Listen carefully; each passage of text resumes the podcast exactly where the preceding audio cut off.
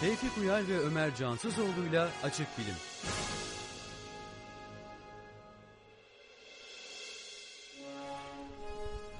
İyi akşamlar sevgili dinleyenler. Açık Bilim Radyo programının yeni bir bölümünden daha sizlere merhaba. Bugün korkutucu bir bölümle sizlerle birlikteyiz.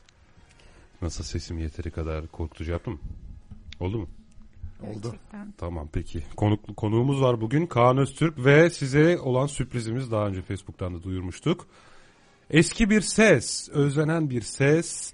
O bir yaparak beyazın esprisinin şeyini çıkarmayacağım artık e, cılkını ve Sinem Doğan bugün Merhabalar bizimle. herkese.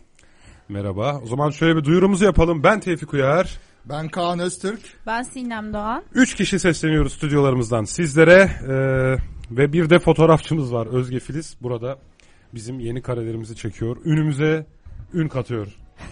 Teşekkürler.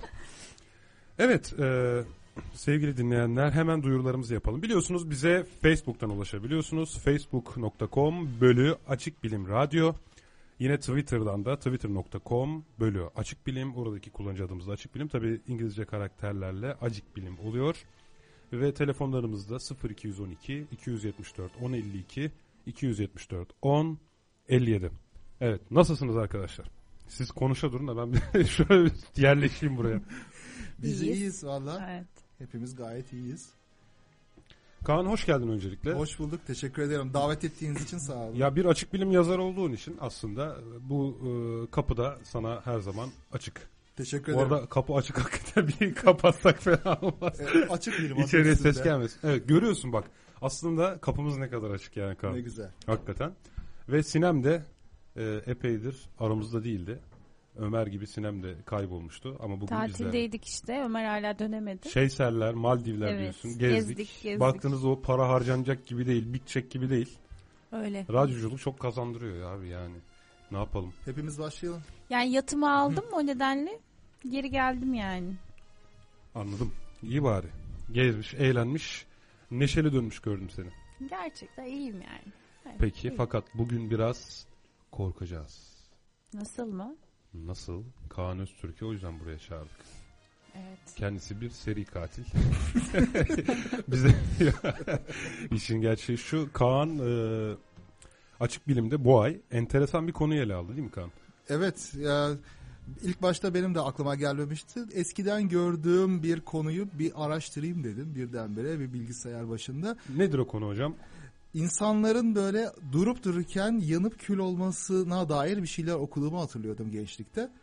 Ondan sonra bununla ilgili son bir gelişmeler oldu mu acaba? Sahiden ortalıkta dolaşıyor mu bu hikaye yoksa bir açıklama bulundu mu diye bir baktım. Ve ucundan tutunca bayağı da ilginç şeyler çıktı. Ya Evet. nereden aklına geldi yani geçmişte şimdi ben de geçmişte pek çok hikaye okudum ama böyle arada bir aklıma gelip de oturup bununla ilgili yazı yazmıyorum. Valla işte oturuyorduk şeyde ailemizde. Ee, herkes tabii bir şeyle meşgul. Televizyondu bilmem neydi. Ben de internete bakayım dedim. Ondan sonra nerede aklıma geldi biliyorum. Herhalde benim kafada bir acayip şeyler var. Bağlantılar oluyor. Birden de göreyim dedim. Yanmak diyorsun birden kafamda böyle yanmakla ilgili bir bağlantı oldu. Devreler yandı yani. Ha yanmışız bakalım nasıl yanılabilir değişik şekillerde dedim. Ondan sonra bir baktım baktım Aa, buna güzel açık bilim yazısı olur dedim. Kurcaladıkça da güzel şeyler çıktı. Valla en keyifli okuduğum yazılardan biri. Demek ki aynı frekansta. Ben korkuyla okudum valla keyifli okumadım ya. Benim en hani dikkatimi çeken yazılardan biriydi ve hani ben de sonra ürktüm ama Ama Evet. sen yanmasan ben yanmasam kim, yan, kim yanacaktı mesela Tabii yani. biri yanacak. Biri yanacak yani. korkmaya başladım işte. Artık böyle gerçekten önemsemek gerekiyor demek ki. Mesela- Midende bir yanma mesela- hissedersen falan. Hadi ya. Yüreği yani böyle peki yürekte bir yanma hissedersek bir acı Hepsi karşısında tehlikeli. Tevfik o da daha beter tehlikeli yakabilir. diyorsun. Şimdi enteresan bir konu. Yani Evet. konudan da tabii daha dile getirmedik. Herkes yazıyı okumuş değil sonuçta. Kendi kendine durup dururken yanan insanlar böyle kulağa çok fantastik geliyor ya da çok hurafe gibi geliyor. Ama hakikaten böyle olduğu düşünülen vakalar var. Yani bildiğiniz beden değil mi? Yanmış yani. Yanmış halde bulunuyor. Evet bulunuyor. Yani kendi kendine yandığı varsayılıyor. Hatta ani yanma denen bir şey. Bu İngilizcesi spontaneous combustion yani aniden olup gibi. İçten yanma denenler. Ama bu e, şeyin e, müteveffanın bulunuş haline göre çıkarılan sonuçlar aslında. 19. yüzyılda falan bunu araştıranlar aniden bu yanmış olsa gerek diyorlar. Tabii o Çünkü- zaman cehennem, şeytan vesaire hani daha çok Şimdi O şey var tabii insanlar e, yanma nasıl bir şey olur biliyorlar. E, Ne kalıyor geride ne kalmıyor biliyorlar. Burada ortaya çıkan durum da aslında ölenleri ölenler tamamen kül olmuş. Daha başka türlü normal yanmalarda. tamamen derken normal yanmada ne oluyor? Bu bahsettiğimiz yanmada ne oluyor? Normal yanmada mesela kömür olur vücut. E, etler kararır. Ondan sonra kemikler kalır. Kemikleri e, kül etmek olağanüstü Gerçekten zor çok bir iç şey. açıcı, iç açıcı şeylermiş. Evet. İşte maalesef. Yanmak isteyen gençlere önerileriniz nedir kahve diye böyle. Yeni yanmak isteyen onlara. gençlere. Evet abi başka. Başka bol bol benzin içsinler. Heh. Ondan sonra değil mi? Aseton daha ucuz. O da aseton olur. içsinler. O da yanıcı. Aseton daha mı ucuz? Tabii canım aseton.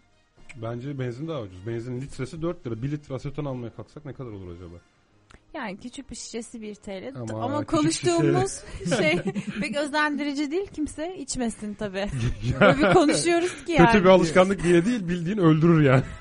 Bir an tereddütte kaldım yani söylesem mi fiyatını falan. Gençlere kötü örnek olmayalım. Peki abi yani normal yani bildiğimiz hani tutuşarak bir yangında hayatını kaybeden bir insan kömürleşirken Kömürleşiyor. bu insanlardan ortada hiçbir şey kalmıyor mu yani? Ha kalıyor. Çok enteresandır. Mesela bacaklar ve bir bacak, el, baş hiç dokunulmadan kalabiliyor. İşin acayipliği burada. Sanki hiç yanmamış gibi. Hiç yanmamış. Yani vitrin mankeninden bir bacağı kesin koyun sanki o şekilde kalmış. Bunlar fotoğraflanmış olaylar hem de. Yani Allah Allah bunun ya. ilk vakaları 1700'lerde falan rapor edilmiş. 19. yüzyılda 1800'lerde başka olaylar da rapor edilmiş. 20. yüzyılda artık bu adli tıp tarafından fotoğraflanmış, incelenmiş, arşivlenmiş şeyler oluyor. Ve hala işte 2006 yılında, 2010 yılında bununla ilgili raporlar gelmeye devam ediyor. Adli tıbbın hala üzerinde çalıştığı, kısmen de olsa bir açıklama getirdiği ama tam olarak aydınlatamadığı bir olay. Şimdi ani yanma deniyor ama ani olup olmadığını bilen yok. Çünkü kimse bunun e, yanma süresinde na- nasıl olduğunu gözlemleyememiş. Yani birisi bir e, vücudu yanarken görmemiş. Acaba hareketli mi, kaçıyor mu bu maktul, yok pardon maktul demek doğru değil, ölen kişi kaçıyor mu? Belki de maktuldür bu arada. Yani Belki. bu tip yanmaların dışarıdan bir katil tarafından tetiklenmediği kesin mi bu arada? Yani bir şekilde bundan şüphe edilen ipucu var mı bu vakaların herhangi birisinde? Yok yani inceleniyor ve tabii ki bu bir ihtimal olarak hep böyle incelemişler. Acaba birisi mi bunları ateşe verdi diye? Hayır. Bu, e, bu ihtimali değerlendirmişler. Sadece bir tek vakada yani nispeten yakın bir zamanda ama hatırlamıyorum 80'ler 90'lar olabilir. Ee, öldürülüp ormana atılmış ve yakılmış bir kadının cesedi bulunuyor. Onda bu şekilde bir e, yanma gerçekleşmiş. Yani vücudun bazı kısımları tamamen sağlam kalmış, gerisi kül olmuş. Ama e, bu zavallıcık daha önce de öldürülmüş. Yani yanma sonucu ölmemiş veya tek Ha, daha önce öldürülmüş. Evet önceden cinayete kurban gitmiş. Ha, sonradan yanmış. Ama şimdi öbür Enteresan. e, kurbanlara da baktığınızda bunda neden öldükleri tam belli değil. Yani yanmadan mı öldüler? Yoksa daha önce mesela kalp krizi mi geçirdiler öldüler? Bu belli değil. Bir şey sorabilir miyim? Mesela hani kollar, bacaklar ve kafa sağlamsa mesela midede falan başlayan bir şey olur. Ha mesela mu ortak ihtimal? özellik var mı öyle? Çünkü Hepsinin gövdenin gövdesi mi ortası, yanıyor sadece? Ortası Evet. yanıp diğer tarafları sağlam kalıyor. Onunla ilgili bir bilgi var mı? Hani kesin bir bilgi. Genellikle e, şeyler vücudun orta kısmı işte torso gibi, karın bölgesi gibi oralar tamamen kül oluyor. Şimdi işin bir de acayipliği burada. Normalde yanmada dediğim gibi kemikler kül olmaz, kalır. Bunlar tamamen kül olmuş. Ama geri kalanına dokunmamış. Bir de dahası bu e, cesetler mesela evin ortasında yanmış olarak bulunabiliyor. Hemen bir karış yanındaki eşyalara hiç zarar gelmemiş, hiç tutuşmamış. Yani böyle alevli bir yanma gibi değil. Değil. Değil. Alevli İsten yanma gibi olsa is ki. olur, başka yere sıçrar. İs var. Yani İs büyük var mı? büyük miktarda böyle siyah bir madde her tarafı kirletmiş oluyor. Yağlı kara bir madde. Ama mesela hemen yanındaki sehpa tutuşup yanmış olmuyor. Kirlenmiş oluyor, islenmiş oluyor veya e, büyük bir ısıya maruz kalmış olma göster- şey e, e, durumu gösteriyor ama tutuşmuyor.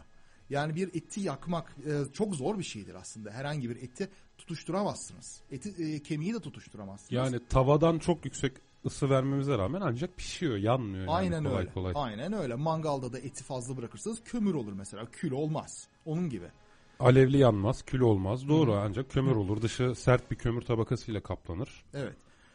İşte bunu tabii Mangalla ilişkilendirmek tabii bu yani insan yanmalarını da harbiden hiç yani böyle bir ağzımın suyu aktı yani. Bir de öyle bir ifadede anlatıyorsun ki üstüne baharatı ekeceksin. Harbiden şöyle. Öyle devam Var mı edecek. baharat bulunmuş mu abi öyle müteveffaların üzerinde tövbe.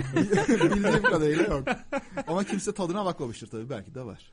Allah Allah. Şu Yaz hala yani çok şaşırıyorum. İşte benim dediğime geliyoruz. Midem yanıyor falan diye geçiştirmeyeceksin. Hiç belli olmaz yani böyle şeyler. Ya ama Şey de tabii. mide yanmasıyla mı başlıyor? O da var. Şey de, eski tabii- kısmı. 19. yüzyılda buna bakanlar içten yanma demişler. Bu içeriden başlıyordur. Olsa olsa demişler. Dışarıdan hiçbir şeye zarar gelmiyor ya. Demek ki içeriden başlıyor demişler ama ona dair de bir delil yok. Yani o e, içten nasıl başlayabilir? Bilmiyorsun yani midede, karında öyle tutuşacak, alev alacak bir şey yok. Ya bu tam bir e, bilmeceydi 19. yüzyılda. O yüzden de inanılmaz efsaneler dolaştı bunun etrafında. İşte şimdi mesela 19. yüzyılda bulunan bu şekilde bulunan cesetler bulunan cesetler e, genellikle sokakta yaşayan sokakta yaşayan işte alkolik gibi veya kötü hayat tarzına sahip insanlar gibi kişilere ait. O zaman da işte tabii o zaman aşırı ahlakçı yapısı ım, falan parmak sallayarak işte bu demek ki Tanrı'nın gazabı. Bunlar böyle kötü ahlaksız bir hayat sürüyorlardı gibi bir şey yaptılar. Şimdi bir de bu ateş tabii böyle cehennem ateşi falan gibi bir şey olunca insan heyecanlanıyor durup dururken. Bir de çok güzel bir done değil mi yani mesela anneler içinde? Bak oğlum yanarsın falan veya. Ha, tabii, cız. Anneye saygısızlık etme cız yani. İçten yanarsın. Annem de bana böyle böyle annesine saygısızlık ederken birden taş olmuş bir çocuğun öyküsünü anlatmıştı eskiden. Ben de öyle birden taş olmaktan Tabii. korkuyordum yani. Arkeoloji müzesine gidince hep öyle öğretiyoruz tabii bak. Anne babaya kötü konuşmuş böyle olmuş.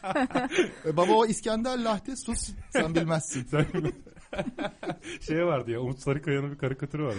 Çocuk İngilizce e, bilmiyor tabii. Steve Jobs'ın şey var. Stay full, stay hungry diyor televizyonda. Ne dedi diyor? İyi çocuk olun, anneye babaya saygısızlık etmedin dedi diyor. Hadi canım sen de o kadar uzun konuşmadı ki falan diyor. Çocuk işte en sonunda ben de diyor bir gün İngilizce öğreneceğim, göstereceğim sana diye bitiriyor. Anlatınca da olmuyor tabii öyle değil mi? Yok, Karikatürü görmek lazım. Şey, ama tabii yani e, 1700'lerde e, bu anlatılan bir vaka bir kontesin başına geliyor. Mesela kontesin de kötü bir hayat sürdüğünü iddia edecek kimse yok. Kendi halinde böyle yataktan kalkmış. Ondan sonra pencereye giderken arada bir şekilde düşmüş herhalde. Külleri bulunmuş yatak Yani odasında. yoksullara mahsus değil. Değil. Yani, Yani- kötü hayat böyle diyelim tırnak içinde ahlaksız yaşayanlara da ait. der ne efendi hesabı. Yani kontese de varmış, Tabii. yoksula da varmış. Tabii. Dolayısıyla bazı hurafeler de bu sayede çökmüştür. Aynen öyle. Ya yani pek çökmedi. 20. yüzyıla kadar böyle hatta yakın zamana kadar yazılan kitaplarda olmadık şeyler var. Bence hala vardır Heh, ya. İnanan tabii, tabii. ayrı mesele de. Mesela hiç fizikte bilinmeyen bazı özel parçacıklar işte piryon falan gibi parçacıkların böyle uzaydan gelip bazı şanssızlara çarpıp da onları yaktığına dair fikirler var. Peki olamaz mı? Ee, bilmem. Yani sonuçta hiç keşfedilmemiş bir parçacık. Hı. Gerçekten henüz hiç keşfedilmediği için bilmiyoruzdur ve böyle bir etki yapabilir. Ama bunun için bir kanıtı olmadığı için bunu ortaya sürmenin de bir anlamı yok sadece. Doğru. Yoksa Doğru. her şey olabilir mantık olarak Şimdi bakarsan. tabii her şey olabilir ama buna dair bir delilimiz yok. Bu Mesela- öyle bir parçacığın olmasını gerektiren bir teorik yapımız yok. Evet. Yani böyle bir şey olsaydı başka şeylerde de gördük. Niye sadece insanlar yansın? Ağaçlar yanardı, binalar yanardı, başka bir şey yanardı. Yani. Yani Peki şey e, en son karşılaşılan vaka 90'lılarda mı demiş? yok 2010 falan gibi vakalar da Var yani yeni vakalar Tabii. var. Devam ediyor. Yani ediyor. Eskide kalmadı Daha yani tehlike var. ya, Tehlike devam ediyor. ya böyle bilimsel bir vakaymış gibi bahsedince espri yapıyoruz ama aslında biz bildiğimiz vefat etmiş insanlar bahsediyoruz ya. Tabii. Tabii yani biz de korkuyoruz arada yani. Hiç korkmadın mı Sinan şimdi bak bir daha Sinan bir daha bana saygısızlık yapma. Bak böyle yanarsın. bak böyle yanarsın ha. Demedi deme. Bu gece rüyama girebilir yani ki ben severim böyle hikayeleri ama işte. Değil mi? Şey, o zaman yani. çok korkutmayalım da yani şu, şu anda kabul edilen açıklamasına geçelim bari. Şimdi tabii bu olaylar devam ediyor. Abi o ne ya? Bir ses geliyor. Oy, çarpıldık. Sinan tamam şaka yaptık falan diye. Beni bunun için çağırdınız değil mi? Evet. Bu akşam benden kurtulmak için Sinan bir daha gelmesin diye gizlice ona böyle korku. bir sürprizimiz var yapın. Sinan. Öleceksin. Bak sen öleceksin dedim birden kesildi bilmiyorum fark ettin mi? Bu daha farklı ya. Bu Freddy müziğine benziyor. Benim aklım hep Freddy'ye gidiyor yani. Ha. Freddy Acı. Freddy bizi uykumuzda yakıyor olabilir mi? Şimdi bir açıklama bu. Olabilir belki. Belki Freddy yapıyordu. Aslında burada temel olarak bir hurafenin ne kadar kolay üretilebileceğini de Evet. şey yapıyoruz yani. Hı. Geliyoruz bir anlamda. Ee, mesela bu görünmez kalem var biliyor musunuz? Hı. Bir tip yağ sürüyor ve o yağ sadece mor, mor ışıkta görünüyor. Ee, şimdi ben iki gün önce ondan aldım.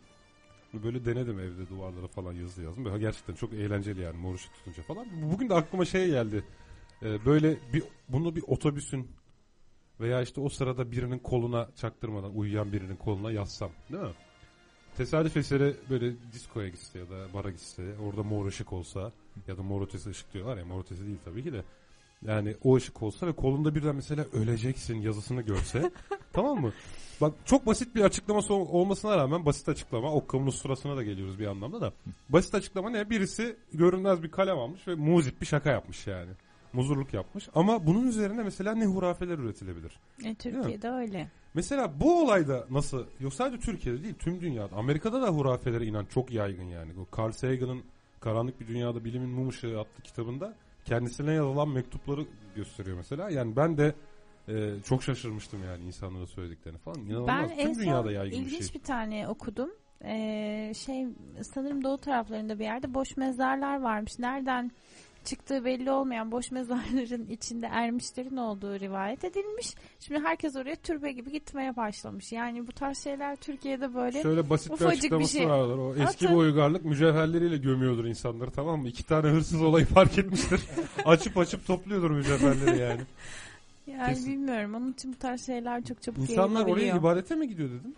Evet türbe olarak ziyarete gidiyorlarmış. Adak falan diyorlar yani. Yani Telli babaya tel bağlıyoruz. Tabii olabilir şimdi inanç tabii hani saygı duymak boş lazım ama mezarmış ama bir şey sonuçta yokmuş içinde. mezar niçin bir inanç üyesi veya Hayır adak yani o vesaire. yani onların boş olduğu belliymiş yani. Hiçbir şey yok yani toprak parçasına gidiyor insanlar ama Hadi yatır varken anlıyoruz. yatır Bir varken bize anlıyoruz da Boş mezar niye diye. değişik tabii. Yani, toprağa bir çukur kaz hemen gelir ziyaretçiler. O da var. Ya öyle şeyler hatta ABD'de böyle bir iki dolandırıcı zannedersem evinin duvarına böyle İsa figürü çizip aa bak burada birden İsa figürü oluştu deyip işte birden ziyaretçiler akın etmeye başlıyor oraya. Kapının önünde tabii bu sırada duvarın duvardaki figür her neyse onun anahtarlıklarını şunları bunları satmaya başlıyorlar. Gerçekten böyle şeyler oluyor. ya. Kısa sürede endüstriye dönüştürülebiliyor yani. Kaan yani bu olayı burada açıklamak yerine Hı. tamam mı? Böyle bir endüstri kurabilirdik yani. Tutuyoruz burada açıklıyoruz yani böyle. Benim ticari zekam olsa zaten akademisyen olmazdım. Ne yapacaksın? şey gibi oldu. Bizim Kayseri'li bir abi vardı. Bizim orada kafası çalışmayanlarını okutuyorlar derdi. Aynen öyle. kafası çalışan ticaret yapıyor derdi. Onun ben de gibi Kayseri kökenli olduğum için demek kafası çalışmayanlardım öyle mi? Okum, okudum diyorsun yani. yani mecburen okudum. Yok canım estağfurullah. Sen İstanbul'da yetişmişsin. O Kayseri'de yetişenler için durum hakikaten öyle. nasıl Böyle... çeviriyor nasıl çeviriyor? Ama gerçekten vallahi bak yani böyle kafası çalışan adam hemen ayakkabı ticaretine şuna buna yöneliyor böyle zaten. Alıyor yürüyor gidiyor. Aileden de gelme bir iş varsa onun başına geçiriyorlar. Elbette nesilden nesile aktarılan bir şey. Ee, toparladım mı oldu mu? Oldu oldu. Evet abi kaldığımız yerden devam edelim. Ha. Bu olaydaki hurafelerden bahsediyorduk. Bunun için herhalde bir seri, bir sürü Bir sürü Pek ne, çok. ne bileyim yani cin çarptı olabilir, cinler yaktı olabilir. İçine hani cin böyle- girdi. Olabilir. Şöyle bir şey de var değil mi? İnsan metabolizmasının bozulması hani şimdi içimizde bir sürü değil mi? Şeker yanıyor. hı. İşte ne yapıyor? Mitokondrilerimizde bir sürü reaksiyon gerçekleşiyor.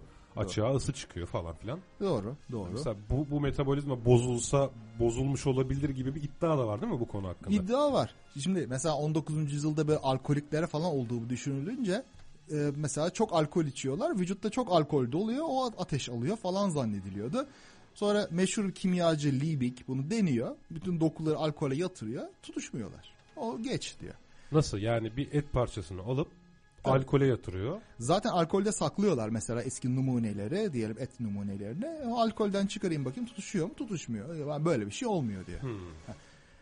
Başka bir deney daha var. Daha yakın zamanda yapılmış. Bir amatör bilimcinin yaptığı. Bu e, şöyle bir hipotezde bulunuyor. Şimdi normalde fazla karbonhidrat yemezsek yani e, biraz bir süre aç kalırsak vücudumuzun enerji üretme mekanizması biraz değişiyor. Bu bilinen bir şey yani bu hipotez değil. E, mesela şey, karbonhidratsız diyet yaparsan uzun bir zaman, uzun zaman oruç tutarsan, uzun zaman egzersiz yaparsan o zaman kanındaki glikojen depoları düşüyor. O zaman da normal glikoz ile enerji üretemez oluyorsun.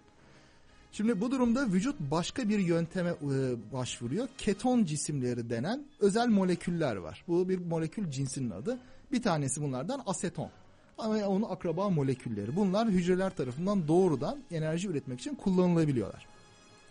Şimdi bu hipotezine göre bu amatör bilimcinin çok aç kalan insanlar ya da sağlıksız insanlar bu olaya maruz kalanlar onların metabolizmasında bozukluk olunca vücutta çok aseton birikiyor. Aseton da yanıcı bir şey ve enerji de çıkarıyor. Alkol e, fazla enerji çıkarmaz yandığında aseton çıkarır. Alkolün tutuşma sıcaklığı as- asetondan daha yüksek zannedersem değil mi? Aseton daha mı çabuk Onu tutuşuyor? bilmiyorum ama birimde çıkarttığı enerji asetonun daha fazla. Dolayısıyla zincirleme bir reaksiyon imkanı daha yüksek. Belki. Yani, Yani. En azından hipotez bu.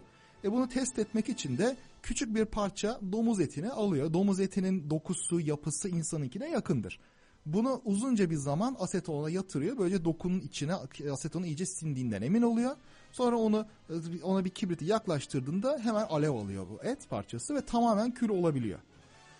Ama bunda bayağı zayıf noktalar var ve bu amatör bilimci bu zayıf noktaları pek fazla incelememiş. Mesela bu et parçası küçük bir parça. İnsan vücudu daha büyük. Yani Evet. 12'de bir ölçeğinde yapmış. Şimdi e, et küçük parça çabuk ça- e, tutuşur. Bir çıtayı düşünün, bir de ağaç gövdesini düşünün. Ağaç Yani, gövdesini yakmak yani. daha zordur. O yüzden tam bir karşılaştırma yapılamaz. Bir de günlerce eti beklettin asetonda. Onun içinde bulunan aseton miktarının insan vücudunda olabilecek miktarla aşağı yukarı aynı olduğuna emin olmak Yani lazım. kan ama- yerine aseton dolaşmalı Yani. ki damarlarımızda bu dediğimiz yani kadar bana düşüyorsun kalırsa yani. çok fazla orada aseton birikmiş o dokunun içinde. O çabuk yanmış. İnsan vücudunda olup olmayacağı belli değil. Ve bu çok e, amatörce yapılmış bir araştırma, e, beceriksizce yapılmış bir araştırma. Zaten hakemli bir yayından da çıkmamış. O Yapan yüzden- arkadaşa amatör bilimci dedin özellikle. Bunu, Evet. bunu söylemenin sebebi ne? Yani Çünkü kendisinin e, herhangi bir alanda uzmanlığı yok ama bayağı bir böyle bir şeyler yazıp çizmişliği var.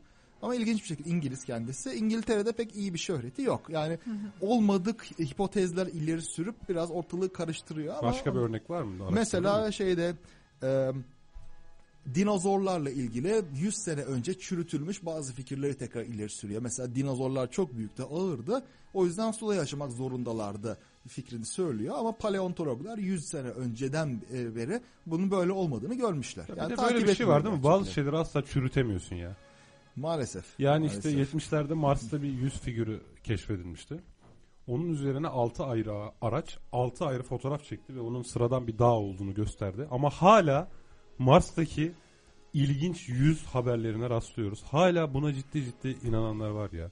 Yani bir söylenti, bir hurafe ortaya çıktığı zaman daha sonra ne kadar onu aksini kanıtlasan da ya da ne kadar o hurafeyi çürütsen de yok. O inanan bir kitle daima kalıyor yani. Bir Ama kemik şey kitlesi var oluyor yani, yani. her hurafenin. Maalesef. Bu tarz hani bilimsel değil de daha sosyal şey içerikli hurafeler biraz kültürlerin içine de karışıyor ve öyle gidiyor yani. Geleneklerin arasında da böyle E tabi o ayrı bir şey. kuşaktan Yani, kuşağa, kuşaktan kuşağa. Evet, Hani mitoloji bir- mesela değil mi? En Evet mitoloji.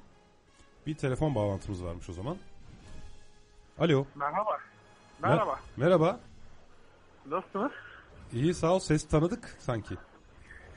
Ses tanıdık olabilir. Bilmiyorum. Ses dalgaları birbirine benzer. İyi, o zaman ifade de tanıdık oldu şimdi. Çünkü bunu Kerem Kaynar'dan başkası böyle bir cümle kurmaz. Koltuğu kapıldı diye hemen aradı Nasıl galiba. panik, nasıl panik ya. Evet, Yani. evet buyurun Kerem Bey. Sevgili Hayırdır, dinleyenimiz. hayırdır arkamdan mı konuşuluyor diyor. Hayır da arkandan bayağı ses geliyor orada.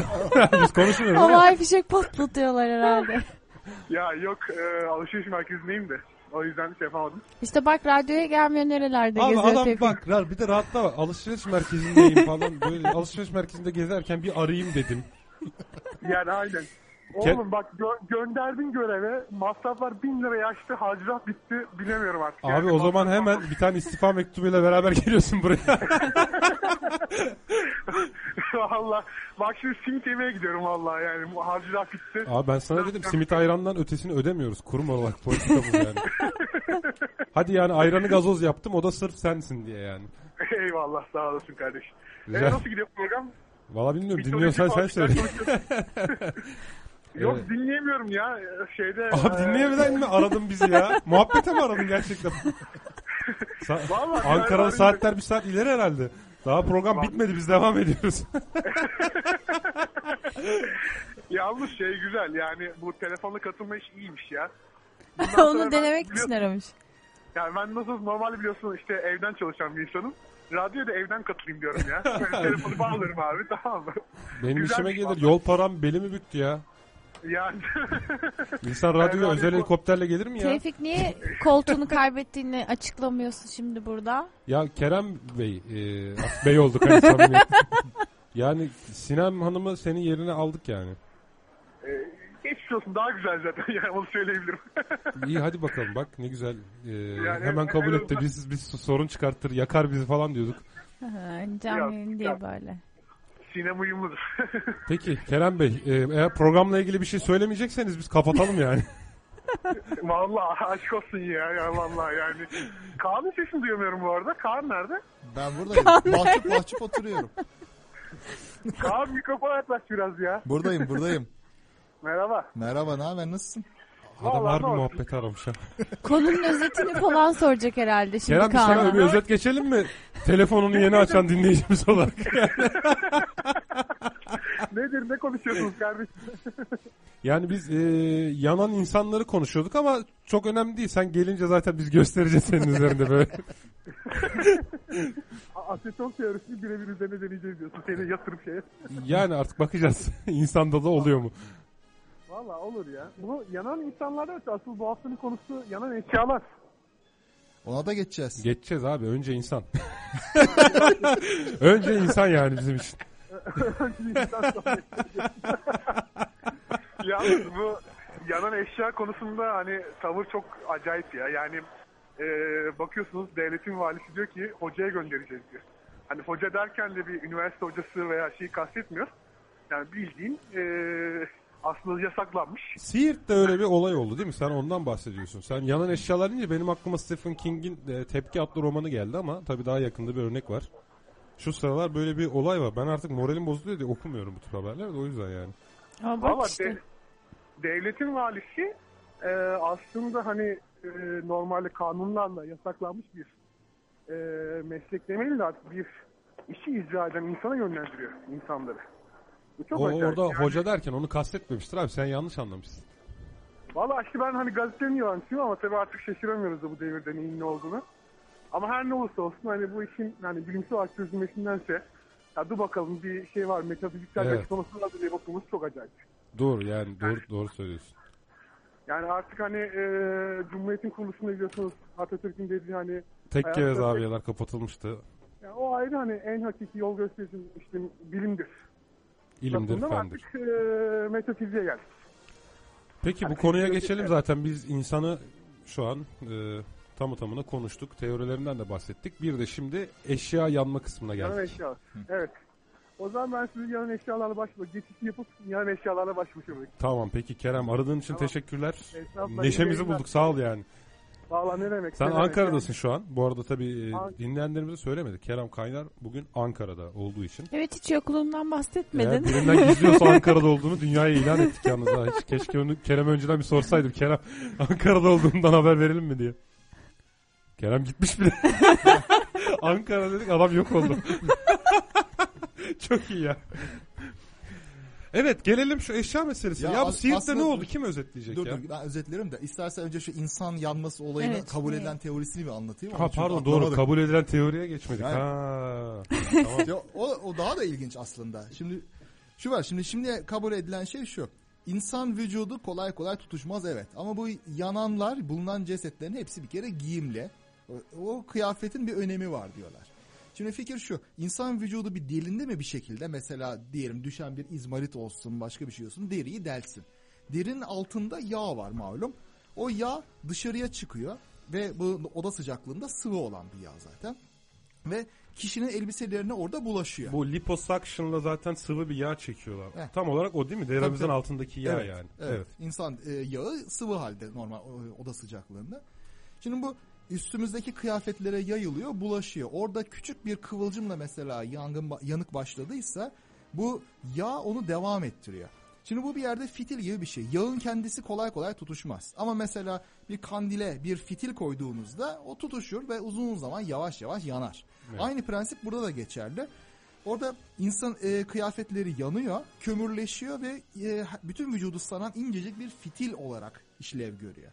Ve yağ çıktıkça oradan tekrar yanıyor. Yandıkça daha çok deriye zarar veriyor, daha çok yağ çıkıyor.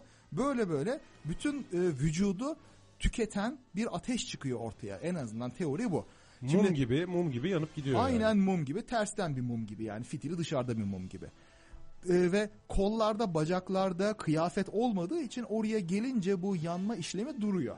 Kendi kendine çünkü yağ yanmıyor bir fitile ihtiyacı var. Ha bir O- dakika şimdi bulunan cesetlerde kıyafet olmayan uzuvlar mı Evet yanmadan kalmış? evet öyle. Hmm. O Baş, el, kol, e, işte bacaklar gibi.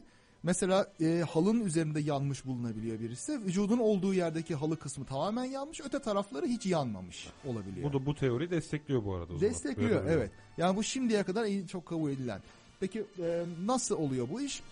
Mesela bu e, kişiler e, çok derin bir uykuya daldıysa mesela alkoliklikten dolayı bir sızma, çok derin bir sızmaya geçtiyse, uyku ilacı aldıysa mesela alkolik falan olmayan bir babaanne bu şekilde ölü bulunmuş. Akşamına oğlu ve torunu onu ziyaretine gelmiş. Uyku hapı almış işte uyuyacağım demiş. Ertesi sabah komşusu onu uyandırmaya geldiğinde bütün e, her tarafı is kurum içinde ve Abi, vücudu yanık bulmuş. Tevfik şu an ben- bakışlarını görüyorum Ya da ben böyle. çok ağır uyuyorum da o yüzden uyurken bir yerimiz falan delinir.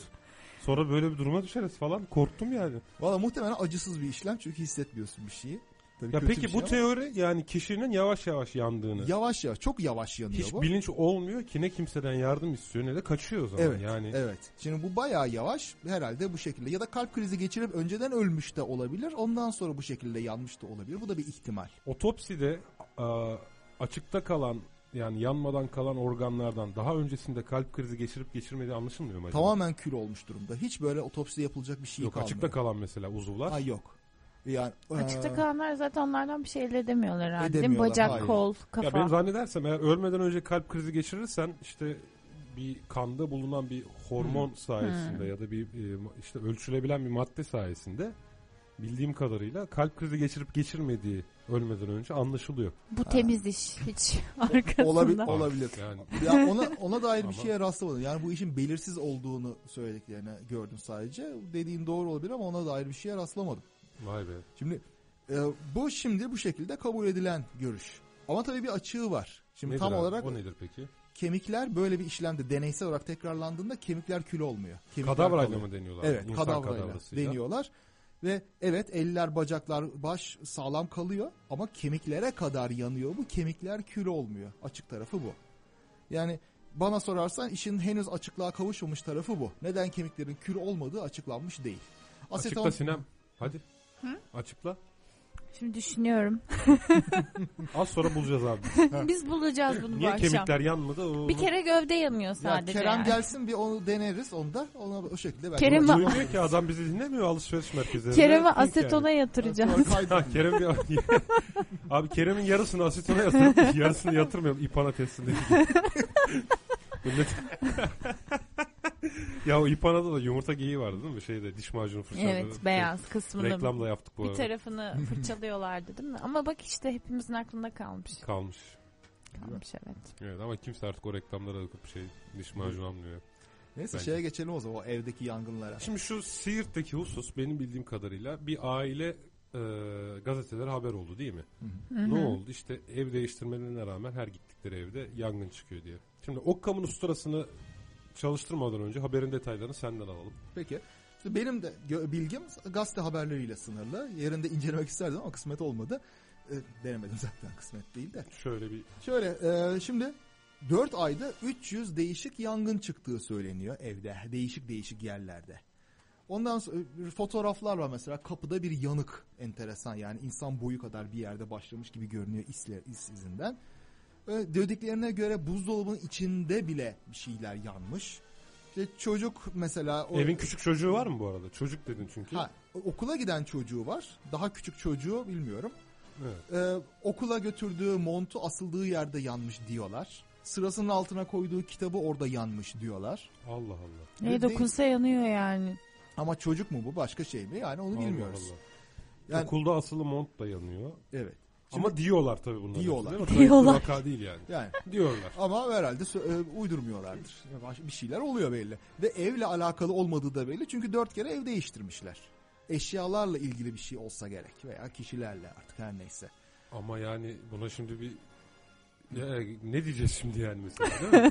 Çünkü ben ha- haber, haberi bulup okuyacağım ya. Tabii hiçbir şeyi bilmiyorsak cinler yaptı deyip de geçebiliriz ama tabii cinlerin böyle şeyleri yaptığına dair herhangi bir elimizde belge ispat olmadığına Ama göre tam daha bilinen eee, mekanizmaları kullanmamız tam şey lazım. bir malzeme yani tam böyle hani medya için bulunmaz bir malzeme şu an. Tabii Evet. şey var eskiden böyle okuduğum bazı şeyleri hatırlıyorum. Hani demin anlattım ya kendiliğinden yana insanları okuduğum eski kitaplar falan böyle Hı hı. sansasyon gibi. Yine onda böyle enteresan bir hikaye vardı. Adana'da bir ailenin başına böyle bir şeyler geldiğini uzun uzun anlatıyorlardı. Böyle mistik şeylerle de süslüyorlardı. İşte evin kızının rüyasına aksakallı dede girmiş de falan filan gibi. Bayağı ürperdiğimi hatırlıyorum. Tabii yeni yetmelik var o zaman. İnsan böyle şeyleri duyunca korkuyor. Bir dönem şeydi bu tarz şeyler revaçtaydı hani üç, e, üçüncü göz müydü? İşte Sınır sınır, ötesi. sınır ötesi, üçüncü göz. Sürekli bir aksakallı dedeler vardı bütün televizyonlarda. Hala hala bir televizyonda var ya böyle bir aksiyon. Var ama e, önceden bir ara bütün kanallarda revaçtaydı. Bir böyle bir yayılmıştı. Hepsinde bir aksakallı dede vardı. Ya bu tip şeyler ilgi çekiyor. Korku insanın böyle gizemli bilinmeyen Ya biz de şu an çok şeyler. etkilendik yani şimdi yanan insanlardan etkilendik. Takılmayacak mı aklıma? Takılacak, ara Takılacak ara. ama işte bunun bilimsel sırrını keşfetmek çok heyecanlı zaten. Öyle mi? Evet, evet. Yani nadir bir olay sonuçta bunu incelemek büyüleyici aslında. Ya Yani bu gizemi yaşamak çözmek. Bir de böyle hani böyle kişisel bir istek lütfen açık bilimde böyle yazılara devam edelim yani. Ha, üçüncü göz bölümü yapalım bir tane böyle sınır Yok bu ötesi. tarz işte yanan insanlar tarzı çünkü şey çok hani keyifli de bir yazı. Hani bilmiyorum, ilgi Keyifli alanıma derken- ilgi alanıma giriyor demek istedim. Sadizme doğru böyle bir yelken açmış gibisin. Yok ya. çok keyifli bir yazı falan. Yok tabii ki şaka yani işin şakası keyifli de Beni yanlış tanıtma. Yalnız burada o Siirt'teki e, aile için şöyle bir şey diyor. Kameralar önünde alev alan halı. Hı. Kameralar önünde mi olmuş yani? Böyle bir görüntüyü gören var mı? Ben görmedim. Sadece Ben haberlerde görmedim. okudum. Şey var şimdi e, internette falan biraz bakınca benzer olaylar da aslında mesela iki sene önce biri Urfa'da biri Kırşehir'de benzer şeyler haber olmuş. Ve 2004'te bir haber var. Konya'da bir bina çökmüş. Arama kurtarma çalışmaları yapılırken enkazdan eşyalar çıkarılan, çıkarılınca birdenbire alev almışlar eşyalar durup dururken. Zümrüt apartmanı vardı Konya'da çöken ev yani o zamandan bahsedilen bir olay. 2004 bu daha eski olması lazım. Tam 2004'teydi. Öyle mi? Konya'da bir apartman çökmüştü işte. Hı. Onu bilmiyorum. Bunu okuduğum haberde apartman adı yoktu. Yurtsun olduğu bina mıydı? Yok Ben bildiğin bir apartman durup Hmm. dururken depreme falan bağlı değil. Durup dururken çökmüştü. Hı. Belki odur. Yani orada bu bunu okuduğum haber çok kısaydı. Alev aldı nedeni bilinmedi deniyor. Şimdi bu şunu da gösteriyor. Bu olay aşırı nadir değil. Nadir ama arada bir görülüyor. Yani bir sebebi olsa gerek. Evet, Nedir? İşte nedir o sebep? gerek. Muhtemelen o eşyaların üzerindeki kimyasal yapıyla ilgili bir şey, onların malzemesiyle ilgili bir şey. Öyle bir e, fiziksel, kimyasal bir açıklaması olması lazım. Yani bir sırrı var sadece onu henüz Tabii. çözmüş değiliz zaten. Aynen, aynen öyle. Bu arada iddia edilenlerin tamamının doğru olduğuna da aslında kanıt yok. Yani ben bu Yani. tip olayları insanların abartmaya meyilli olduğunu nereden biliyorum? Şuradan biliyorum. Ben yatılı okudum liseyi. Biz yatılı okulda bir kendimiz bir efsane yaratmıştık. Tamam mı? Bu okulun inşaatında çalışan bir inşaat işçisi göçük altında kalmış, vefat etmiş diye. Ya bir süre sonra kendimiz inanmaya başladık. bir süre sonra çünkü herkes ayrı ayrı kendi yarattığı kanıtlarla bu şeyi desteklemeye başlarken kendi yarattığı kanıtı kendisi yarattığını biliyor. Ama diğerlerinin sunduğu kanıtların gerçek olup olmadığını bilmediği için gerçekten korkup inanmaya başlıyor yani. Bu tip Ben gittikçe benzerliklerden korkuyorum yalnız. Biz de şeyde ilkokuldayken e, böyle kapalı bir yer vardı. Orada eli bıçaklı bir adamın yaşadığını, öldüğünü, Ve- ruhun orada olduğunu inanıyorduk ve korkuyorduk yani. ve buna buna yönelik Asla işaretler yalnız- gördüğünüzü de düşünüyordunuz değil mi? Yani Tabii, bir süre sonra Her işaretleri ona yorumlamaya bekliyorduk başlıyorsun çıksın çünkü. diye. Demek ki hiçbirimiz normal Yok yani insanlık değil tarihinde. Biz de zamanında böyle hurafeler falan. insanlık tarihinde kim bilir kaç tane böyle kendi uydurup kendi e, inandığın hikayeler vardır. Artık. Mesela sen evin çocuğu var dedin. Ben Hı. çocuğun ateşle oynayıp tabii ki annesine babasına ben yaktım. Ama okulda yandıysa defteri. okulda Şimdi bir burada olur iki o- olur da 300 kere bilmiyorum. Bir de biz evde yokken hep oluyor diyor baba mesela. Herhalde çoluk çocuk evde yokken nedeni belli değil. Belki de işte evde oldukları zaman hemen fark edip işte veya eşyalara dokunup onun yanmasını engelliyorlar. Yok zaten okulda da yanlış. Hani burada sanki ben şu an fotoğrafı sana gösteriyorum. Bunu Facebook e, şeyimizde görüyorum. de paylaşalım. Yani sanki burada eşyalar evdeyken yanıcı bir maddeyi absorbe ediyormuş. Ve daha sonra herhangi bir noktada bu herhangi bir fiziksel tetikleyici sebepten ötürü alev alıyormuş gibi bir düşünce yarattı bende. Yani şu montun e, yan yandığı görüntüye bakınca Eve Bana- küçük bir kamera koysalar aslında belki. Ya tabii haberi yani bak şimdi yapılıyorsa. olayı bilimsel olarak araştırmak istersen tabii ki evdeki eşyalardan numune alır. E, kimyasal Bir bileşimine, bir içeriklerine kamera bakarsın. koyarsın. Bir de kamera koyarsın ama şimdi hocaya götürmeyi düşünüyormuş bölgedeki yetkililer. Belediye başkanı mı, vali mi bilmiyorum. Bu az önce Kerem bahsetti. Ee, yani öyle araştırırsak tabii ki bir şey bulamayız yüksek ihtimalle. Ama dediğin gibi yapılabilir doğru. Yani eve bir kamera yerleştirilir. Ee, aynı şekilde içeriye bu tip yanıcı absorbe absorbasyon varsa eğer yani bunu ölçecek bir şekilde içeriye te- şey tesisat kurulur. Devlet bu konuda bir üniversiteden bir şey yardım almalı yani, herhalde. böyle bir şey için. Tabii. Tabii bir yani yangın uzmanlığı diye bir şey var. Yanıcı şeylerle ilgilenen insanlar ya onların incelemesi lazım. Hangi malzeme burada tehlikeli, ne, ne gibi şeyler olabilir.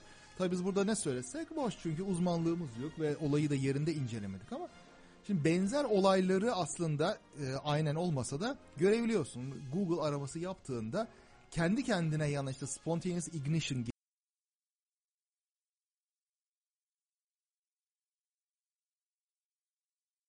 bir terimle aradığında e, bunun bir yangın tehlikesi olarak ve uyarılara girdiğini görebiliyorsun.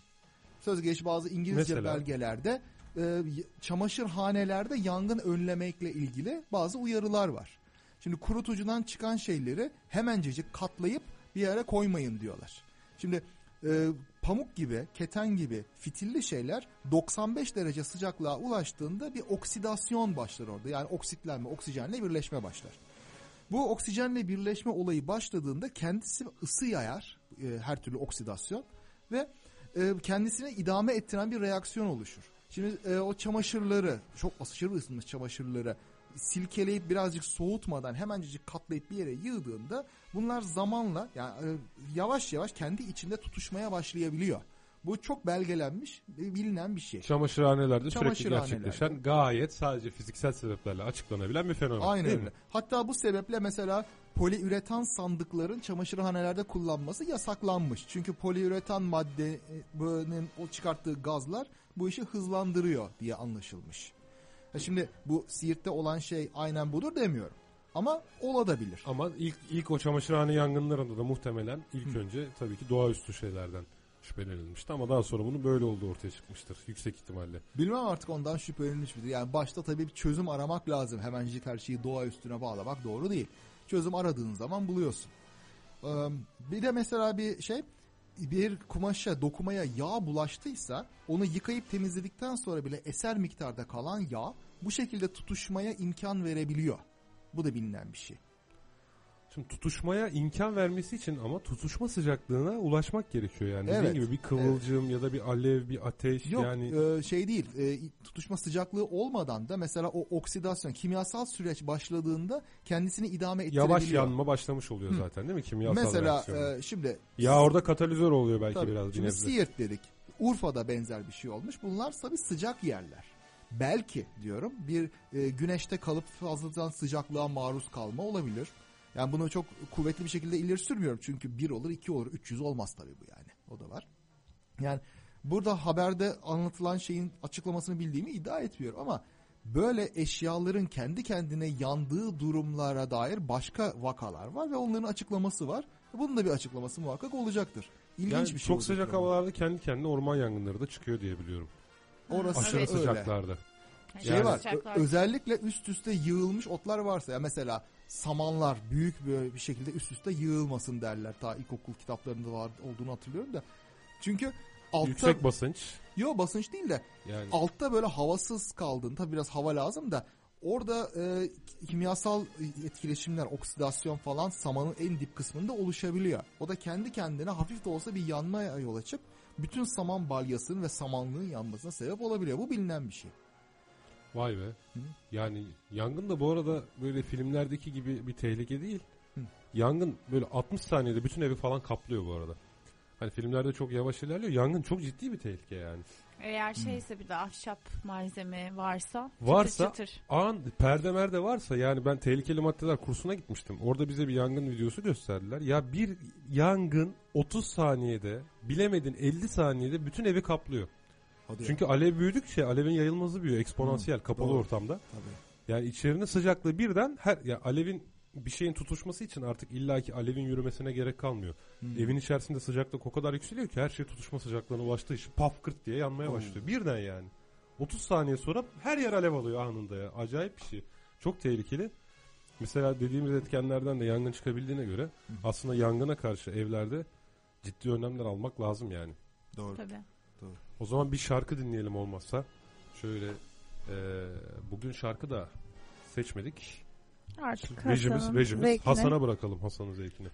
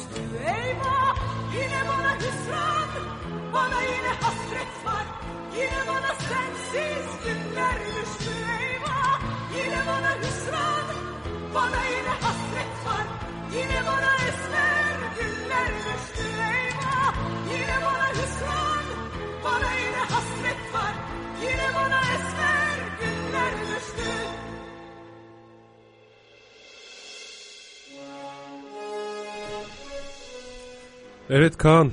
iki kişi kaldık. Evet. Devam edelim. S- Evet Sinem Doğan dedi ki ben daha fazla dayanamayacağım çok korktum dedi. Valla korkuttuk şimdi ya ne yapacağız? Korkuttuk. Müzik ve vesaire çalınca da tabii. Yok şaka bir yana Sinem'in işi olduğu için bugün bize zaten ilk yarıda eşlik edecekti. Eşlik etti sağ olsun geldi ve gitti. Ve kaldık biz senle baş başa. Baş başa tamam. Evet. Şimdi şu sıralar yine basında çıkan haberlerden birisi. Elektromanyetizma ile ilgili. Bir derneğin yöneticisi zannedersem değil mi? Evet galiba bir ilde elektrik mühendisleri odasının bir meslek kuruluşunun yöneticisi galiba. Evet ne demiş? Elektrikli aletlere fazla yaklaşmayın. Özellikle elektrikli ısıtıcılara fazla yaklaşmayın. Radyasyon yayıyorlar. 2 metreden uzak durun. Çocukların odasında kullanmayın demiş. Şimdi sen daha girdim. böyle üniversite bitirmiş. Amerikalarda Amerika'da mı yüksek lisans Evet. yapmış? Amerikalarda yüksek lisans Yok. yapmış. Gelmiş buraya doktora yapmış. Yok Amerika'da doktora yaptı. Amerika Amerikalarda doktora yapmış Vardı. bir fizikçi olarak. Heh. Bize söyler misin hocam? Elektrikli soba radyasyon yayar mı? Tabii tabii ama radyasyon Ama hangi radyasyon? Şey, ha işte öyle. Şimdi radyasyon deyince herkes radyoaktivite zannediyor. Uranyumdan böyle hatta uranyon böyle Bayram Efendi vardı ya TÜBİTAK çizgi romanında o. Böyle X ışınları e, müthiş kanser edici şeyler zannediyor. Radyasyon denen şey ışıktır. Yani şey gibi. Ama tabii biz Türkçe'de iyonlaştırıcı radyasyona Hı. radyasyon diyoruz genelde. Yani böyle bir yaygın kullanım var. Radyasyon dendiği zaman gerçekten de biz iyonlaştırıcı yani zararlı olan e, dolayısıyla hani kanserojen diye tabir edilen ya da herhangi yani DNA yapısını bozmaya muktedir ışınlara diyoruz değil mi Türkçe'de normalde yaygın olarak. Yoksa görünür ışık da bir radyasyon. Yani şu an lambadan bize gelen de bir radyasyon ama bunu radyasyon olarak adlandırmıyoruz günlük hayatta. Tabii ki biz İtiraf edeyim ben tabii hep bunu terim olarak öğrendiğim için fizikçilik mesleğinden dolayı günlük hayatta o şekilde kullanıldığından haberdar değildim. Ama o zaman o şey ona dikkat edelim. Şimdi radyasyon deyince benim bildiğim terimde hepsi aslında aynı tabiata sahip. Bunlar dalgalanan elektrik ve manyetik alanlardır. Bunların sadece dalgalanma sıklığı yani frekansı değişir. Bütün farkı o yaratır. Yani bizim röntgenimizi çeken ve kanser yapabilen X ışınları mesela bunlar çok hızlı dalgalanırlar. Ama bizim gördüğümüz ışık daha yavaş dalgalanır ve ısıtan ışınlar ondan daha da yavaş dalgalanır. Ve bu biraz daha böyle yavaş dalgalanmaya götürürsen radyo dalgaları şu anda bu sesimizi aktaran ve bütün uygarlığımızın içinde yüzdüğü radyo dalgaları da radyasyon sınıfına giriyor. Ya aralarında sadece nicelik farkı var, nitelik farkı yok. Tamamen aynı. E şimdi e, ama bazı yüksek frekans yüksek enerji demek. Doğru. Yüksek enerji demek. Yüksek- O yüzden yüksek frekanslılar mesela dokumuzun içine girebiliyor ve DNA'mızı kırabiliyor. Bunu yapan ama X ışınları, gamma ışınları yani uranyum gibi şeylerden çıkan şeyler. Evet. Ama Alfa beta bile zaten şey e, DNA'yı bozmuyor diye biliyorum. evet onlar çünkü deriden içeri nüfuz edemiyorlar. Ha, Evet. Deriyi tabii biraz bozabilir ama asıl olarak gamma ışınları ki onlar bu dediğimiz elektromanyetik ışıma. Ve şimdi e, ısıtıcılara gelirsek bunların e, şeyleri dalga boyları birazcık kırmızı ama çoğunlukla kızılaltı dediğimiz göremediğimiz yani daha yavaş dalgalanan ışınlar. Yani görünür ışıktan dahi daha az enerjiye sahip. Daha az enerjiye sahip evet. Bunların tek yaptığı şey derimizi ısıtmak. Derimizi ısıtarak da o vücudumuzun ısınmasını sağlıyor. Hepsi o. Yani bunlar hiçbir şekilde DNA'mızı parçalayamaz. Yalnız şöyle bir şey var. Biz e, radyoaktivite hakkında program yaparken de böyle bir cümle de kurmuştuk. Isıtan bir şey evet sıcaklık çok yükseldiği için DNA yapısını bozabilir. Yani iyonlaştırabilir daha doğrusu. Yani düşük enerjili ışınlar sürekli aynı noktaya tutulduğu zaman gerçekten makul bir enerji aktarımı olacak ve ısınacak kadar tutulduysa ışından dolayı değil dikkat. Bu ısınmadan dolayı iyonlaşabilir. Ama insan vücudu sürekli olarak kendi ısısını dengede tutan bir sistem. Evet zaten kömür olmadan da soba bizi e, iyonlaştıracak kadar ısıtamaz değil mi? Aynen öyle. Önce kömür olacağız zaten. O Önce- zaman da kanser olmaktan korkmamıza lüzum yok. Doğru diyorsun. Yani kanserli bir beden hatta kömür bir bedenden daha iyidir bile diyebiliriz en azından. O- Çıkmadıkça konuda bir tercih yapamayacağım Kesin bir- ama Yalnız bu arada ben haberi buldum. Ee, Sakarya Üniversitesi Mühendislik Fakültesi Elektrik Elektronik Mühendisliği Bölümü öğretim üyesi Profesör Doktor Osman Çerezci. öyle mi? Evet. Elektrikli sobalardan en az 1,5-2 metre uzakta durmayı tavsiye etmiş. İşte sebebi de bu ısıtıcılara yaklaştıkça maruz kalınan radyasyon oranı da 2-3 kat artıyor diyor. Her türlü elektrikli cihazların uykusuzluk, halsizlik, baş ağrısı, kulak çınlaması ve sinirlilik haline sebep olduğunu belirten çerezci, bu radyasyonun bağışıklık sistemini zayıflatarak vücut direnci zayıf olan kişilerde kanseri tetikleyebileceğine dikkat çekiyor ve ekliyor. Isıtıcının bulunduğu odayı sık sık havalandırmak gerekiyor. Çocukların odası sürekli elektrikli ısıtıcılarla ısıtılmamalı. Uzun süreli sağlıklı ısınma ihtiyacı soba veya kaloriferle karşılanmalı demiş. Direkt radyasyon kansere sebep olan de- dememiş aslında. Va- iler Baktığımız tutar zaman. tarafı yok kusura bakmasın. Yani ne baş ağrısı yapar ne başka bir şey. Ya vücuda herhangi bir bünyeye etki yapmaz. O söylediği şeyler gibi bir şey. Çok yakın durunca baş ağrıyabilir ama su kaybından kaynaklanan. E, anca Yani olur. lokal. Anca olur Evet. ama radyasyon etkisinden ilgili bahsediyor. değil tabii. Öyle bir şey olmaz. Yani herhangi bir ısı kaynağı değil de neden elektrik sobası? Niye kalorifer değil? Kalorifere de yakın dursan aynı şey olacak. Evet belki. bak bu çok güzel bir yaklaşım. Sobaya da yakın dursak aynı şekilde uykusuzluk, halsizlik, baş ağrısı bunlara sebep olur. Çünkü maruz kaldığımız e, ısı Hı hı. su kaybına sebep oluyor. Kurumaya sebep oluyor ve tabii ki bu arada denge dedik ya vücudumuz o ısınan bölgeyi soğutmak için de farklı e, iş, şeyle reaksiyonlar gerçekleştiriyor mi? Terlemek zaten bu tepkilerden birisi. Hı hı. Bu da bir su kaybı bu arada. Terlemek de ayrı bir su kaybı. Dolayısıyla herhangi bir ısı kaynağına aşırı yakın olursak uykusuzluk, halsizlik, baş ağrısı, kulak çınlaması hepsi su kaybının şeyleri bu arada belirtileri, semptomları. Bunlara rastlayabiliriz. Bunun sadece elektrikli so- sobayla yani infrared, kızıl, kızıl berisi, kızıl ötesi ışın yani sobayla bir alakası yok. Evet ama yani o söylediklerinin de ne kadarı doğru onu da bilmiyorum. Şimdi ısı kaynağına yakın olsan hep öyle olur mu? Bilmem. Yani benim kedilerim hep kaloriferin üstünde yatıyorlar. Başları ağrımıyor. Biz de yani şeye çok fazla ısıya yakın dursak belki çok uzun zaman olur ama ya odayı havalandırmak nedir? Şimdi Kişiden kişiye değişir herhalde. Tabii Yani kişiden ha, odayı değişir. havalandırmak biraz tabii garip olmuş çünkü. Ya o, orada bir sürü şey kavram birbirine karışmış. Orada bahsedilen işte cidden radyasyonun tehlikeli olduğunu ima ediyor. Bö- Burada tehlikeli olan herhangi bir şey yok. Yani burada e, kızılaltı radyasyonun vücuda zarar verdiğine dair hiçbir delil yok. E, Bunun için teorik bir sebep de yok zaten. O yüzden de bunun ben tutar bir tarafını görmüyorum. Yani maalesef bunu söyleyen profesör olması da bu kanaatimi değiştirmiyor. Tabii canım yoksa argument from authority dediğimiz otoriteden kaynaklı argüman safsatasına Öyle. düşmüş olurduk. Ee, evet yani siz tabii ki elektrikli ısıtıcılarla aranıza 2 metre mesafe koymaya devam edin ama e, burada bahsedilen sebeplerden dolayı değil değil mi? Doğru.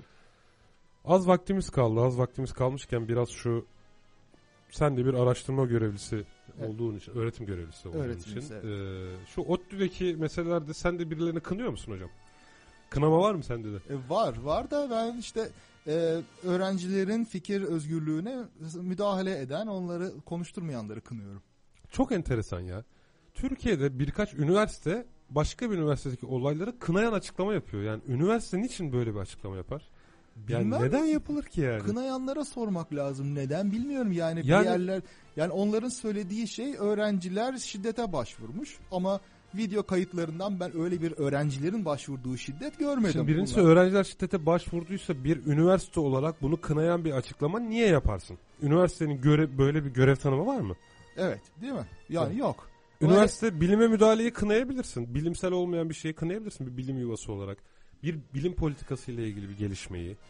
İşte atıyorum küresel ısınmaya olan bir katkıyı yani bunları kınayabilirsin ama başka bir üniversitede öğrenci ve polis arasında yaşanmış bir çatışma ile ilgili bir kınama açıklamasını bir üniversite olarak neden yaparsın yani? Şimdi belki o açıklama metinlerine bakarsak ipucu bulabiliriz. Mesela metinlerden bir tanesinde e, e, e, bize bu uzay teknolojisini yaratma imkanı sağlayan hükümetimize, başbakanımıza teşekkür etmemiz lazımken böyle şeyler niye yapılıyor tabii. Üniversite şeyler var. açıklamasında mı yer alıyor Evet bu bunlar? kınayanlardan birinde. Çok enteresan ya. Belki bu bir ipucu olabilir. Peki hocam basında ama hep şey diyor öğrenci önce saldırdı falan diyor. Sen ne diyorsun? Bilmem yani ben başka yerlerde Yap- tersini gördüm. yapar yapar bizim ö- biliyorsun bizim öğrenciler yapar yani. Hı. Yaparlar yani kesin. Doğru aslında yani Bizim dört- hayatta polisimiz sen hatırlıyor musun? Bak kaç yaşında adamsın. Ha. Hiç polis öğrenciye saldırır mı hocam ya? Ben- Olacak iş mi yani? Ben hiç görmedim. Yani, Yani. 400 öğrencinin tepeden tırnağa zırhlı 2500 polise saldırması daha makul bir ihtimal bence. Kes, abi kesinlikle zaten 400 öğrenci bir araya geldiyse Türkiye'de kesin 2500 tane polise onlar saldırmıştır yani. Hatta yetmez bile 2500 yani durdurmak için. Yetmez yani. Hatta ben gördüm öğrenciler göz yaşartıcı bomba getirmişler yanında onlardan atıyorlardı. Tabii biber gazı falan da laboratuvarlarda yapmışlar. Evet. Çünkü basında neredeyse bu haberler bu şekilde yer aldı değil mi? öğrenciler saldırdı, etti, öğrenciler çatıştı diye. Tabii yani bu işin şey kısmı. Ben sonuçta orada değildim, görmedim. Ben yorum yapmayacağım. Ancak ben şunu merak ediyorum. 1984'ü oku, okumuşsundur George Orwell. Evet. Ok, yani birçok okumuş dinleyicimiz de vardır. Okumamış dinleyicilerimize şöyle bir özet geçelim. Doğruluk Bakanlığı diye bir bakanlık vardır. Hı hı. Doğruluk Bakanlığı tüm gazete arşivlerini değiştirmek suretiyle geçmişteki bir olayı tamamen değiştirebilir. Doğru. Mesela geçen yıl Big Brother o ülkenin yöneticisi demiştir ki pamuk üretimi iki kat artacak. Fakat 1.7 kat artmıştır. Ya da yarı yarıya azalmıştır. Hemen geçen seneki bütün televizyon, gazete arşivleri Big Brother öylesine demişçesine değiştirilir ve gazeteler öyle basıldığı ve arşivlerden de öyle ulaşıldığı için artık halk tamamıyla ona inanır. Doğru. Değil mi? Doğruluk Bakanlığı'nın işi budur zaten. Doğru. Hatta düsturları bilgisizlik kuvvettir. Ha evet. Orwell da bunun ilhamını zaten Stalin'den almıştır. Meşhurdur Stalin mesela resimlerinden Troçki'yi çıkarttırmıştır fotomontajla araları bozulunca. Eski fotoğraf. Bu arada Evet. ben de pamuk örneğini niye verdim diye düşünüyordum. Muhtemelen Stalin'den dolayı verdim. Stalin'in pamuk üretimiyle ilgili böyle bir olayı vardı çünkü. Doğru. Benim de aklımda öyle yer etmiş. Galiba aynı pratik yine devam ediyor. Yani bu şey gerçekliği tekrar yazıyoruz. Şimdi evet yani olayları tabii ki takip etmeyen birisi şimdi 20 tane gazete alıp 16'sını açınca bakınca ki içerisinde böyle farklı yazıyor ya da tek yönlü yazıyor. Bakıyor ki ülkenin 20 tane yüksek öğretim kurumu böyle bir kınama açıklaması yapıyor. Gerçekten de hafızalarda şimdi olay A, A şekliyle olduysa bile artık B şekliyle yer etmeye başlıyor değil mi? Muhtemelen öyle tabii. Bir- Ya- birkaç kere duyduğun zaman he- herhalde böyleymiş diye düşünmeye başlarsın. Çünkü insan kendi anılarını bile manipüle edebiliyor. Doğru. Demin dedik ya mesela bir şey uyduruyorsun bir süre sonra herkes söyleyince kendinde inanmaya başlıyorsun. Aynen. Ve tersi de oluyor. Sen bir şeye inanıyorsun. Başkaları tersini söyledikçe ben galiba yanlış biliyormuşum demeye başlıyorsun. Aynen doğru. Hatta şey falan da olur bazen. Sana da olur mu bilmem. Böyle annemin bana benim bebekliğimle ilgili anlattığı bir anı. Bir süre sonra sanki ben onu hatırlıyormuşum gibi olmaya başlar. Muhtemelen hatırlamıyorum. Muhtemelen sadece bana anlatılanlardan yola çıkarak e, onu bir anı olarak kaydediyorum hafızaya. Bir süre sonra beynim ona görüntü uydurmaya başlıyor olma ihtimali yüksek yani. Doğru. Hayalimdeki gibi. Şimdi muhtemelen bu olay kayıtlara böyle geçecek artık. Bakalım artık alternatif şey hikayeyi yazan e, medya da var. Ya belki onların kayıtları kalır geleceğe bilmiyoruz hangisi kalırsa artık. Neyse ülkemiz için Hayırlısı hayırlısı, neyse olsun. uğurlusu olsun diyoruz değil mi? Değil mi? Göktürk 2'yi gönderdik işte ilerliyoruz. Başarılı oluyoruz. Göktürk 2'den burada geçen hafta bahsettik uzun uzun. Yani e, bir de bu Göktürk 2 askeri bir uydu olduğu için e, eleştiren insanlar da var enteresan. Hmm. Yani bana tabii ki inanç veya görüş görüştür ayrı mesele de e, hani antimilitarizmle ilgili e, senin düşüncelerini de merak ettim yani. E Ben antimilitaristim yani benim herhangi bir şekilde. Ben şöyle diyeyim. Doktora araştırmama başladığım zaman hocaya gittim. Bu e, araştırmamızın herhangi bir askeri uygulaması olacak mı? Olacaksa yapmak istemiyorum dedim. Ha merak etme olmayacak öyle bir şey dedi. Yani benim düsturum öyle bir şey. Anladım. Çok gerekmedikçe. Mesela Göktürk 2 uydusu askeri olmasından dolayı ya ben buna sevinemedim.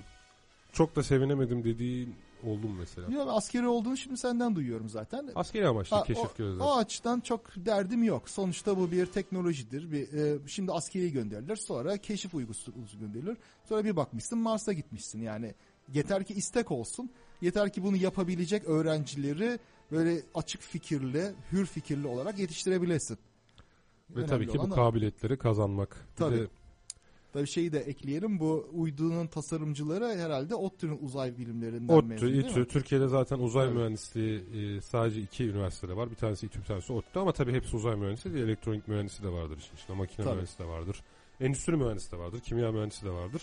Ya da mühendis olmayan fizikçiler, matematikçiler yani bir şekilde bu konuda çalışabilecek herkes. Bir de insanlara şey yani genelde mühendislik yanlış anlaşılır. Hani tek başına. E, Mesela sen şimdi uçak mühendisi misin? Evet sen uçak yapabilir misin? Evet bir kısmını yapabilirim. Ha, yani, yani. bir kısmında görev alabilirim. Çünkü özelleşmek gerekiyor yani diye. İşte hani onun gibi Tabii. e, pek çok alanda pek çok özelleşmiş çalışan muhtemelen bu projeye el verdi. Güzel bir şey. Ülkemizde böyle bir şey yapılması. Ee, biraz ben bunu antimilitarist ya da militarist olup olmaktan bağımsız değerlendiriyorum. Çünkü antimilitarist de bunu bir arkadaşım söylemişti. Bana çok hoşuma gitti. Görüşün her ne olursa olsun. Görüşün tamamıyla savaş karşıtlığı da olabilir. Bu görüşü karşıt görüşlü birilerine savunabilmek için yine savunma gücüne ihtiyacın var demişti. Biraz öyle realist baktığınızda Yani öyle. mesela Yani- şimdi gerçekten çok barışçıl ülke, çok barışçıl bir hedef oluşturduğun zaman Hı hı. diğer bütün dünya bu hedefin karşısında olduğu zaman onlara karşı kendini savunmak için yine savunma birimlerine ihtiyacın var. Kesinlikle. Yani Biraz bu açıdan bakıyorum. O yüzden silahın olacak ama kullanmayacaksın mesela. Aynen, Bu da bir aynen. şeydir. Şimdi Güzel. antimilitaristliği ben fazla aşırıya götürmem. Yani militarist olmamak şeklinde ben yorumlarım. Askeriyeye yönelik olmaması lazım her şeyin. Ya bu hayatın her alanı gibi bulunması gereken bir şey ama ön plana çıkmaması gereken bir şey diye yorumlarım. Ama tabii ki her şey- e, ülkenin bir savunma ihtiyacı var. Keşke ülkeler olmasa da savunma ihtiyacımız olmasa. Bir birleşmişlik olsa. O daha iyi. Yani biz onu zaten özellikle Ömer varken hep arada bir dile getiriyorduk yani. Ee, ben şuna inanıyorum. Dünyaya dış bir tehdit olmadıkça Hı hı. bu dış tehdit ne olabilir? Mesela uzaylı istilası olabilir hakikaten. Mesela. bütün dünya böyle birleşip hani bir barış şeyinde bence potasında eriyemeyecek. Yani bu genel sistem teorisine de uygun görünüyor yani bana. Hı. Hani daha dış bir yeni bir boyut oluşturmadıkça bir alt boyutta birleşmeyi sağlayamıyorsun. Olmuyor yani. Belki. Bakalım. Belli olmaz. Şimdi bu bölünmüş düşünsene yani hani bir şu an ülkeyi bir uzaylı Hı. hatta yenemeyeceğimiz güçlü bir teknoloji Hı. işgal etse bir anda bütün ülkeler arasındaki husumet çözülerek ortak hareket etme moduna girmezler mi sence? girerler orası doğru. Ama mesela bu e, tehdit olmadan da bir ülke mesela köylere bölünmüyor. Yine ülke bir bütün olarak yani köyler bir işbirliğinde bir ülke oluşturabiliyor. Belki ülkeler de birleşerek dünyayı oluşturabilir. Dünya yönetimi. Tabii canım ama amaçlar işte yani orada hani mesela diyorsun ama Balkanlar yakın zamanda bölünen bölgelerden birisi. Belçika ayrılmak istiyor. Kanada ayrılmak istiyor. Doğru. Yani İspanya'da yine böyle durumlar var. Türkiye'de de bölücü örgütler var. Yani Doğru. Irak da aynı şekilde, Suriye aynı şekilde. Yani baktığı zaman aslında entropi Evet. bu meselesi ya. Yani bölünmeye e, daha eğilimli gibi. Hı hı. Çünkü fikir ayrılıkları vesaire ama öte taraftan İsviçre konfederasyon kuruyor sonra federasyon oluyor. Amerika Birleşik Devletleri yani iyi örnekleri de var. Ee, kötü örnekleri de var veya birleşen örnekler de var. Ayrılan örnekler de var. Ayrılmanın avantajlı olduğu örnekler var. Birleşmenin avantajlı olduğu örnekler var. Vesaire genel bir çerçeve çizemiyoruz yani en nihayetinde. Ama ben dış tehditin birleştirici olabileceğine inanıyorum. O kesin. Hani tüm insanlığa karşı bir tehdit olmalı ki insanız Tabii. kardeşim biz ne diyorsun falan. Amerikalı da olsa o da insan benden falan gibi. Bir Arap atasözü vardır. Ka- kardeşime karşı ben, yeğenime karşı kardeşim ve ben, başkasına karşı yeğenim, kardeşim ve ben diye ben biraz buna benzetiyorum yani şeyi. Doğru makul. Makul. Yani işin aslında sistem teorisiyle mesela incelesek ya da psikolojik teoriyle acaba nereye kadar bölünmek doğal oluyor? Şimdi bir ülke içinde mesela etnik gruplar, kültür grupları ayrılmak isteyebiliyor. Hani Belçika dedin, Kanada dedin, Balkanlar dedin. Şimdi ama bunlar daha fazla ne kadar bölünmek ister? Nerede artık bölünmeyelim, duralım derler. Nerede bir arada yaşamak artık e, kafi gelir? Mesela bu da ilginç bir problem. Bir de Sosyal gelirse kime gelecek? Ya değil mi? Toplumun ne kadarına gelecek? Hı. Zaten sosyal bilimlerin problemlerinden birisi de e, genel geçer bir teori oluşturmakta zorluk. Evet. Evet Kaan, evet. programımızın sonuna geldik. Ee, bugün harika bir sohbet oldu. Özellikle Benim yanma muhabbeti süperdi yani. Ürktük de korktuk da. Ee, bundan sonra arada bir bekliyoruz. Memnuniyetle. Ben Yani- de tadını aldım. Çok hoşuma gitti. Teşekkür Gerçekten ederim. mi? Ama Evet. para da alıyoruz ha. Öyle Ona mi? göre Tabii ya bu ilki bedavaydı ayağın alışsın diye. Ha. İyi tamam. Yani bundan Ayarlarız. sonra seni, seni ünlü yapıyoruz. Şimdi. Tamam. Kolay mı yani? Of, Artık Kaan Öztürk falan denecek. Ka- tamam. Hiçbir şey de diyemem. Kaan Öztürk denecek yani. Tabii ki deneyecek. Gerçi eskiden de Kaan Öztürk diyorlardı sana değil mi? Değil mi? Evet bazen diyorlardı doğru. Hatırladıkları Neyse canım zaman. ama indirim yaparız yani 10 programlık paketlerimiz var. Ben 5 banka hesabımı bozdurayım paketlerimiz var. geleyim. Adresini bozayım geleyim haftaya. Yok yok EFT yaparsan ben sana hesabı veririm alıyoruz kabul ediyoruz. Kayıtlara geçmeseydi. Aha değil mi? En azından geçmeseydi şimdi maliyeciler de peşimize düşmesin. Evet yeni bir programımız daha sona erdi. Ben Tevfik Uyar. Yani ben abi. Kaan Öztürk. Parayı duyunca bir şüphe etti. Şöyle bir kafa gitti Yok gibi mi davransam diye. Yeni bir açık bölüm. E, açık bölüm. Parayı duyunca da ben de böyle olmuştu. Açık Bilim programında sizlerle birlikteydik. E, haftaya aynı gün aynı saatte sizlerle buluşmak dileğiyle efendim. Şimdilik hoşçakalın. İyi akşamlar. İyi akşamlar. Tevfik Uyar ve Ömer Cansızoğlu'yla Açık Bilim.